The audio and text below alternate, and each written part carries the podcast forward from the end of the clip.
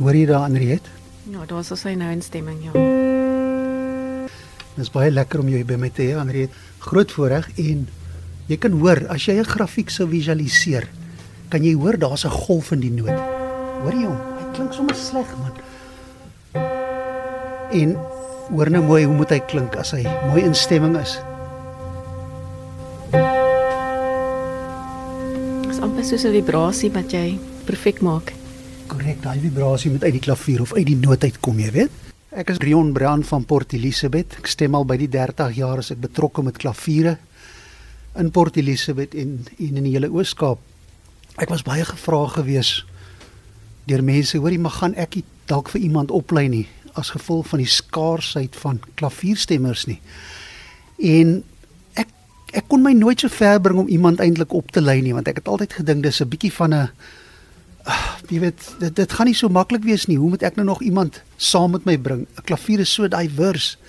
Daar's so baie dinge wat 'n mens moet leer.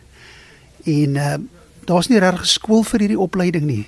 Uh, jy moet gelukkig wees om deur iemand opgelei te word. In die Ooskaap byvoorbeeld was daar by die seker 5 of 6 maksimum klavierstemmers in 35 jaar.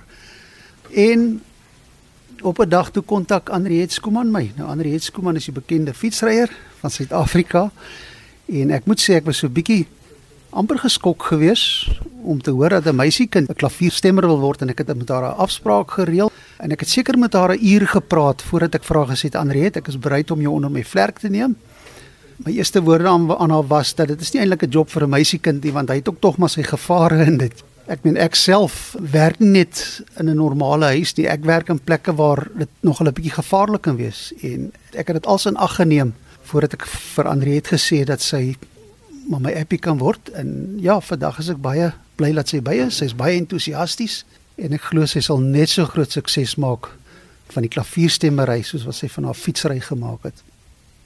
Nou Anreeds kom aan hier staan jy nou langs die ek het gehoor jy praat hier van die baby grand. Wat op hierdie aarde want almal ken jou regtig fietsery die Agus wenner oor en oor en ek weet nie hoeveel ander kampioenskappe Olimpiese fietsryer alles. Nou hoe op aarde bring jy 'n fiets by 'n klavier uit? Wel, um, Mariska, ek het begin klavier speel voordat ek fiets gery het. Ek het begin klavier speel toe ek 4 was, so dit is maar in my familie. Ek het klavier as 'n vak op skool gehad. Ek het dit tot 'n matriek gehad as 'n vak en gegaan tot by Unisa graad 8. So dan vra jy vir jouself, wat maak jy nou eintlik daarmee? En ek het na skool, omdat ek nou maar my fietsry loopbaan aan die gang ge, gehad het, het ek baie min tyd gekry en ook nie regtig geleentheid gehad om met klaviere te doen te hê nie. En ehm um, ek het vir Rion op my Facebook kan nie onthou wie vir wie invite het nie, maar uh, ek het hom so half bietjie gestok en ek is vreeslik geïnteresseerd. Ek het al gesien hoe stem mense klaviere en weet jy dis daar's soveel dinge van klavierstem en fietsry wat dieselfde is. Dit lyk na 'n verskriklike eentonige werk as ons by mense se huise klaviere stem na 5 minute dan gaan hulle in allerlei rigtings want ons maak aardige geluide met die klaviere om dit mooi te kry. Maar dit is so gefokusde werk wat jy doen en dit dit is presies dieselfde met fietsry. Dit is jy fokus op een ding. So ek fokus op daai aspek van die stemmery en dit is vir my as ek die regte woord gebruik soothing as mense noter 100% kan kry dat hy op die regte pitch is. So ek is mal daaroor en daar's nie 'n dag wat ek uitsien om nie saam met Rion te gaan as hy uitgaan op sy werk nie. Maar jy's nog steeds 'n professionele fietsryer en dit vat nogal ure se oefening per dag. Mense amper dink kampioene wat min mense besef moet 'n soort van eendimensionele lewe lei. Jy moet jou eintlik stroop van al die ander dinge wat mense in die lewe geniet om top te wees en om 'n kampioen te kan wees. Ja, weet jy om te sê dis eendimensioneel, daar daar's nie 'n beter beskrywing vir dit nie want jy's baie dinge wat jy prys gee, maar as jy dit geniet en is jou passie, is dit nie regtig 'n 'n sacrifice nie, as mens dit so kan sê. So ek sien soos met die stemmery, al my aandag as ek nie ry nie.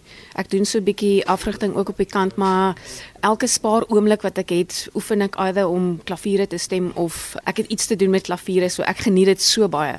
So ek ry nog voltyds fiets, maar met die hele COVID situasie het ek besef dat weet jy wat, ek gaan myself moet reinvent op 'n stadium en ek kon nog regtig nie iets kry wat my so my aandag trek dat ek myself daaraan kan devote nie en toe het ek nou die klavierstemmery ontdek en ek is mal daaroor. So ek kan ek kan regtig waar myself dit voltyds sien doen want vir my sal dit nie 'n werk wees nie, dit sal net nog 'n passie wees. Maar dit behoort dan baie Rion, dit behoort vir jou goeie nuus te wees want jy is nou bekommerd dat daar te min klavierstemmers in die Ooskaap gaan wees. Absoluut. Ek laat haar baie keer dinge self doen terwyl ek natuurlik by is, soos byvoorbeeld om die meganisme uit 'n klavier uit te haal. En sou daar iets verkeerd gaan, is ek daarom daar om vir haar 'n handjie te gee. Ek wys haar byvoorbeeld as 'n noot vashak die prosedure wat sy moet volg.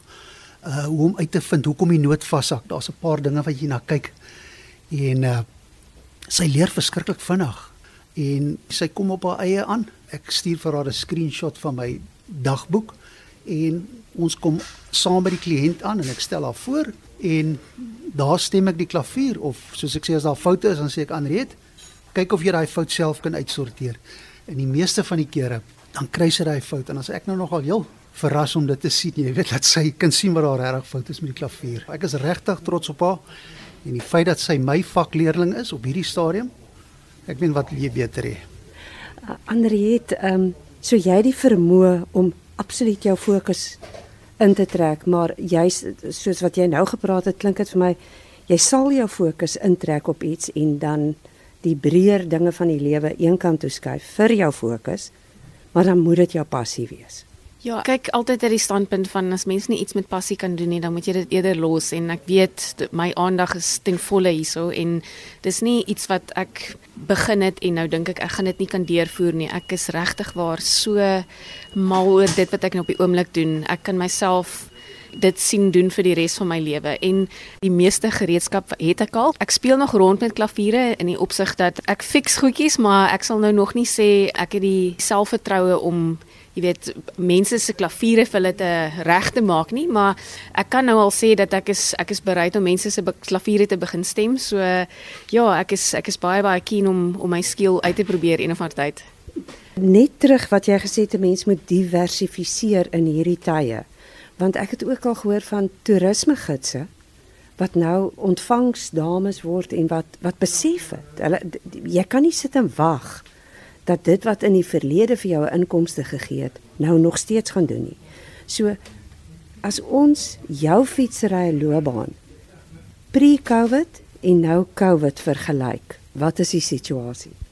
Ja, um, ek het bevind my in die situasie dat met my ouderdom ook, ek het begin om 'n bietjie rustiger te raak. Ek ry nie meer internasionaal nie en ek is nie meer beskikbaar vir nasionale spanne nie. So ek het die laaste 3 jaar het ek so bietjie rustiger begin raak met my fietsry en begin fokus op afrigting ook in my spaartyd, maar ek het net besef met die COVID tyd, dit's nie altyd 'n slegte ding nie. Ek het besef daar there's more to life en met die ehm um, wetrenne en so wat so skaars is, dis moeilik om jy weet gefokus te bly as daar soos een keer elke 6 maande 'n groot wetren is. Nou oefen jy jouself dood en dan op die laaste oomblik dan kanselleer hulle die events met die klavierstemmery, daar is so baie mense wat klaviere het en mense besef nie dat wanneer jy 'n klavier stem, um, hou jy die waarde op van die klavier en om 'n klavier te besit, jy sal nooit waarde verloor op 'n klavier nie. Dis nie soos 'n kar wat waarde verloor nie. As jy byvoorbeeld 'n klavier vir 8000 gekoop het, kan jy hom weer vir 8000 verkoop. As jy 'n klavier maintain, dan hou jy die waarde van die klavier op. Want die die snare van 'n klavier is maar staal, so dit rek. So as jy nie elke 12 maande jou klavier stem nie, dan gaan 'n uitstemming uitgaan want die snare rek. Ek is nou net nuuskierig oor een ding. Hoeveel ure het jy voordat jy rustig geraak het? Hoeveel ure en kilometers het jy per dag geoefen op jou fiets, fietsry geoefen? En hoeveel is dit deesdae? So, um ek dink dis te veel om te tel. Ek het al ophou tel hoor. ek moet nou nogal sê ek oefen nog steeds 5 tot 6 dae 'n week. So tussen 'n uur en 'n half en 4 ure 'n dag. Ek het al die wêreld gesien en so aan, maar weet jy wat is as partykeer is dit lekker om by die huis te wees en om jou eie goedjies te doen en om jouself te reinvent. Jy praat van 4 tot 5 ure 'n dag. Oefen. Hoe ver ry jy? op 'n lekker rustige dag sal ek soos 30 kg gaan ry of ek kan 120 kg gaan ry. Dit my PE is dit hoe die, hoe erg die wind waai. So ek doen alles met my hart of ek los dit, maar ek kan my self regtig waar sien dit doen vir 'n baie baie lang tyd. Klavierstem en fietsry en lyk like my hartloop nou ook. Ja, so 'n bietjie ietsie van alles en um, soos wat dingetjies nou is ek met die COVID tye, dinge is moeilik vir almal en almal is in 'n as ek amper kan sê in 'n bad headspace, maar ek moet nou nogal sê waar ek nou is is dis dis regtig waar is 'n goeie gevoel.